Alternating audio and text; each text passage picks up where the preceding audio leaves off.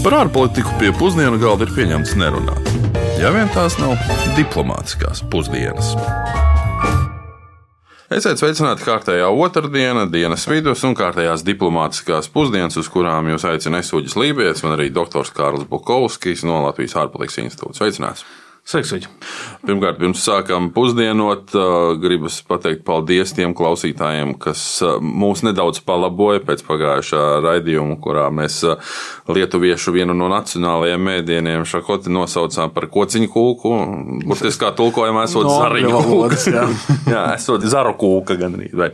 Nu, paldies un, un tiešām prieks, ka jūs klausties un arī komentējat un izsakat savu viedokli.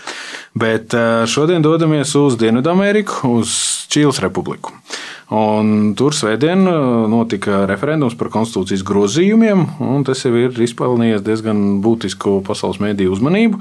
Un uh, parunāsim šodien gan par uh, ekonomiku, gan arī par pašu konstitūciju un demokrātisko procesu Čīlē, un kāpēc tas ir tik nozīmīgs, un arī, arī ņemot vērā visu Dienvidamerikas kontinentu un tradicionālajām politiskajām peripētijām, kas notiek reģionā ja runājam par pašu vārdu čīli izcelsmi, tad tā, tā ir visai neskaidra. Populārākā versija laikam ir tas, ka tas nāk no mapuču cilts vārda čili. Kas nozīmē ne to gluži, ko mēs domājam ar asu piparu, bet gan tā ir zemes robeža. Es domāju, arī piparu gadījumā tas varētu būt garšas robeža. Paklausīsimies, ko jūs, klausītāji, domājat par Čīli un ar ko tā jums asociējas. Ko jums asociējas valsts Čīle? Čīle. Nu, es tā teiktu, ar uh, Dienvidameriku, iespējams, ar uh, šo te maiju civilizāciju, aptuveni kaut kā tā. Ar vīnu, sarkanu vīnu. Tas, tas arī nu, kas, kas, kas tā pirmā, pirmā, pirmā asociācija. Dienvidamerikas valsts. Mm, ar cilvēkiem, ko es pazīstu, kas tur dzīvo. Um, tas arī viss. Ar, ar, uh, tur bija kaut kāds um, plūdi vai kaut kas tāds. Ar čili pizzu. Ar kaut ko karstu, ar karstu temperatūru. Ar kastro. Ar dejām? Čīle. Ar sauli. Uh, čili tie asie pipari. Čili. Aha, jalapenos un tā tālāk. Ar. Uh, es nevaru neko pateikt. Šo. Uh, ar maniem pāris draugiem kas ir no čīles? uh, laikam uh, ar labu laiku. uh, es domāju, uh, labu laiku ziņā, nu, kad uh, spīd saulīte un uh, uh, ir jauki uzturēties tā, varbūt pie jūras kaut kur. Kā dzirdējām, viens no klausītājiem pieminēja maijus, taču faktiski Čīles teritorijā tradicionāli ir dzīvojuši inki. Un, vēl pirms spāņu ierašanās 16. gadsimtā inki valdīja Ziemeļčīlē gan arī gadsimtu, bet pamatiedzīvotāji Mopuģi dzīvoja centrālajā un Čīles dienvidu daļā. Un, mūsdienās Čīlē dzīvo apmēram 18 miljoni iedzīvotāju, no kuriem 90% ir baltādainie, un lielākā reliģija ir katolicisms. Pārējā ir šīs vietējās ciltis dažādas. Ja mēs... Pamatiedzīvotāji. Un kā mums parasti patīk stāstīt, tad Čīle ir apmēram tikpat bagāta kā Latvija, jo Latvijas IKP rādītājs uz vienu iedzīvotāju pēc pirktspējas paritātes ir aptuveni 24,000 eiro, kamēr Čīlē tie ir nedaudz vairāk kā 21,000. Tātad ļoti tuvu.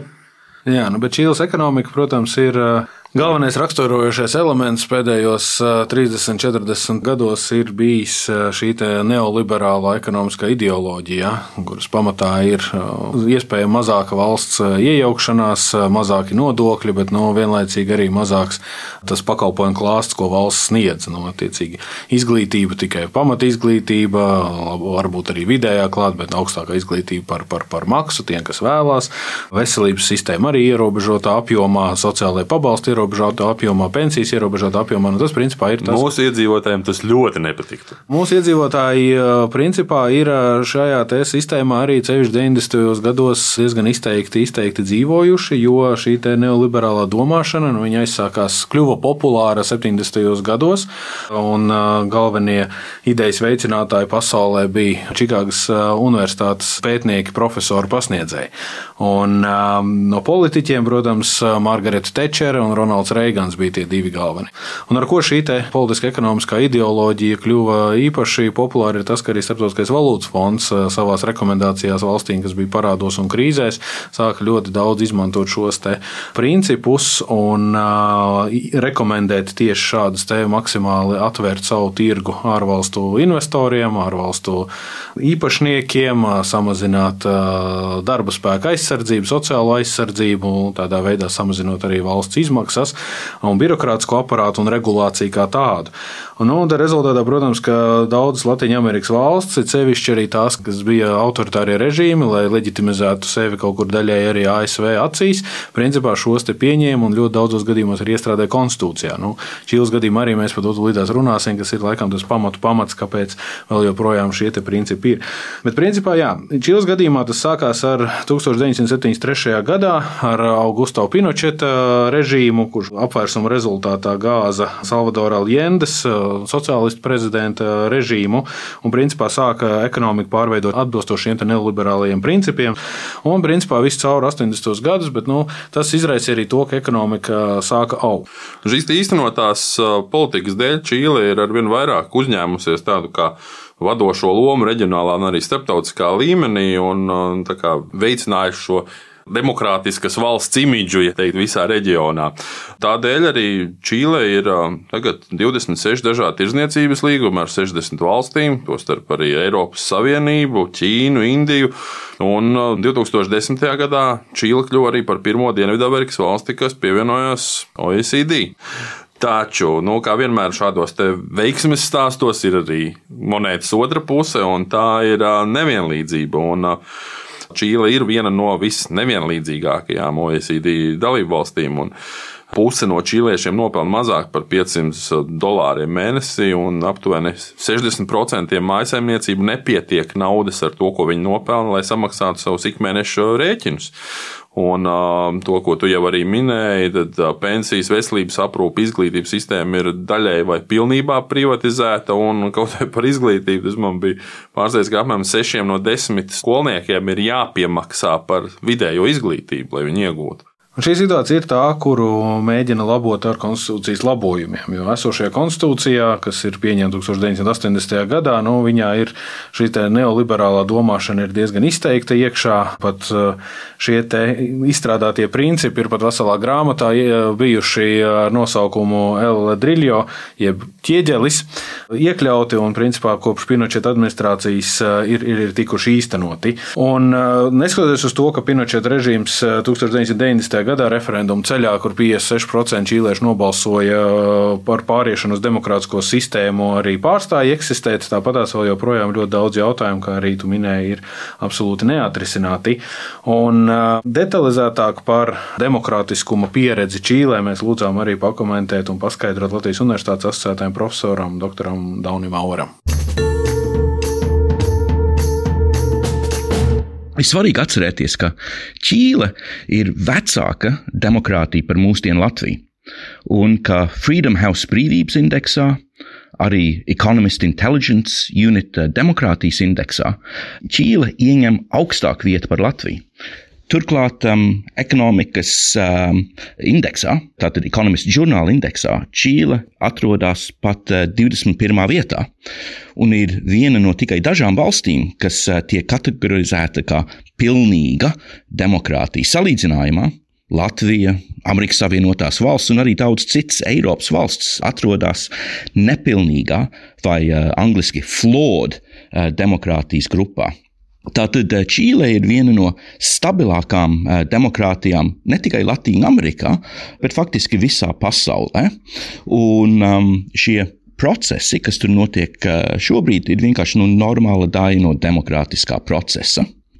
Tātad jaunā konstitūcija pēc būtības jau nemainīs nevienlīdzības problēmu, jo valsts ekonomiskais modelis, nu, nodokļu politika, sociālā labklājības politika, tas jau netiks noteikts konstitūcijā. Šie jautājumi vēl vien būs politiķu rokās. Rakstot jaunu konstitūciju, pieņemot jaunu konstitūciju, tad ir iespēja restartēt eh, valsti, un iespējams, ka iedzīvotāji tad dos politiķiem dažus gadus pārformulēt, mainīt eh, valsts ekonomisko un labklājības modeli, un tad cerēt arī uz uzlabojumiem. Un, ja mēs esam nonākuši pie izmaiņām konstitūcijā, tad uh, plašas protesta akcijas, kurās tika pieprasīts veikt šādas izmaiņas, aizsākās pirms gada, un kulminācija bija tieši oktobra nogalē. Protesti izcēlās pēc tam, kad ievērojami paaugstinājās sabiedriskā transporta izmaksas, un atkal šis jautājums par sociālo un ekonomisko nevienlīdzību tika nu, mākslīgi vai dabiski sāsināts. Un, protams, līdz ar to nāca arī neapmierinātība ar situāciju veselības aprūpe, izglītībā, pensiju sistēmā. Pēc šiem protestiem Čīles prezidents Sebastians Piņēra piekrita veikt šīs izmaiņas un nodot tās referendumam, kas gan sākotnēji bija plānots aprīlī, bet Covid dēļ tika pārcelts uz oktobra beigām. Un šoreiz referendumā tika uzdot divi jautājumi. Viens ir, vai piekrist jaunajai konstitūcijai, un, ja nepieciešams, tad kuram tad būtu šī konstitūcija jāizstrādā? Proti, asamblējai, kurā vienlīdz būtu pārstāvēti likumdevēji un pilsoņi, vai arī 155 pilsoņu asamblējai. Un jau pirms referenduma aptaujas par to liecināja, un arī šīs svētdienas referenduma rezultāti to apliecināja, ka vairāk nekā 70% pilsoņu, gandrīz 80% pilsoņu atbalstīja šo jauno konstitūciju, un arī tikpat daudz vēlētāju atbalstīja šo ideju no pilsoņiem izveidot asambleju, kas tad izstrādātu jaunās konstitūcijas projektu. Un šajā asamblējā pirmo reizi tiktu iekļaut arī mūsu iepriekš jau pieminētie pamatiedzīvotāji, vietējo cilšu pārstāvi. Un nevienā no 12 iepriekšējām politiskajām asamblējām, kas ir demokrātiskajā Čīlē bijušas, cilšu pārstāvi nav bijuši iekļauti. Tagad jau ir zināms, ka jaunais izstrādātais konstitūcijas projekts tiks nodots balsojumam vēl vienā referendumā. Tas ir plānots 2022. gadā. Daudz eksperti norāda, ka viens no šādas jaunās konstitūcijas mērķiem būtu atstāt aiz muguras Pinočeta laika un valdīšanas ēnu, un tas ļautu arī izstrādāt uh, jaunu konstitūciju, kas nebūtu pieņemta mm, zem spēka draudiem. Un otrkārt, ar uh, politiskiem un mierīgiem līdzekļiem beidzot būtu iespējams atrisināt šīs sabiedrībā iesīkstējušās problēmas, jau minēto nevienlīdzību un arī sociālo atstumtību. Taču nu, vēl arī jāsaka, ka ir gana daudz cilvēku, kas uzskata, ka tomēr, lai arī kāda pašreizējā sistēma Čīlē ir ļoti stabila. Un jebkādas jaunas pārmaiņas var nest lielu nestabilitāti un vēl lielāks potenciāls protests, bet nu, to rādīs laiks, kā tas viss attīstīsies. Lai cik būtu paēdis, vienmēr ir vieta arī desertam. Gan pie pusdienām, gan arī pie deserta bieži vien tiek pasniegts vīns. Čīla ir pazīstama ar savām vīna darīšanas tradīcijām, un nu, nevelti. Čīla ir piektā lielākā vīna eksportētāja pasaulē un arī septītā lielākā ražotāja. Sapratu, Latvija ir 60. vietā. Es skatījos pēc saraksta. Kā lielākā ražotāja? Jā, kā lielākā ražotāja. Mm -hmm. Čīlē pirmās vīnogas tika ievestas 16. gadsimta vidū, un tās atveda spāņu konkistadori. Un uh, Čīles dabas apstākļi ir ļoti piemēroti vīnogu audzēšanai, jo ir ļoti gara sezona un arī nav vairākas, piemēram, Eiropā novērojamas vīnogu slimības. Un savulaik, tad, kad Eiropā gāja postā no vīnogu lāja slimībām uh, ražas, tad ļoti daudzi franču vīndarītāji pārcēlās dzīvot uz Čīli. Tāpēc uh, ir redzama diezgan to saikne ar Bordeaux reģiona vīndariem Čīlē. Bet uh, atšķirībā no Argentīnas, uh, galvenie viņkopības reģioni atrodas nevis kalnos, bet gan uh, zemā augstumā, okeāna tūmā. Kūstošais sniegs no kalniem nodrošina arī nepārtrauktu apūdeņošanu. Bet par Andu kalniem runājot, Čīlē atrodas arī sausākā vieta uz planētas - Atakams tūkstnesis. Un tiek rēķināts, ka šajā Atakams tūkstnesī ir vietas, kur nekad nav bijusi nolījusi pat ūdens pile, nu, vismaz pēdējos 500 gados. Šeit es gribētu mazu komentāru, ka geogrāfi noteikti tev aizrādītu, ka Atakams tūkstnesis, lai arī daudzās krustvārdu mīklās tiek minēts kā sausākā vieta uz Zemes, tad vēl lielāks sausums tomēr tiekot novērots Antarktīdas sausajās ielās.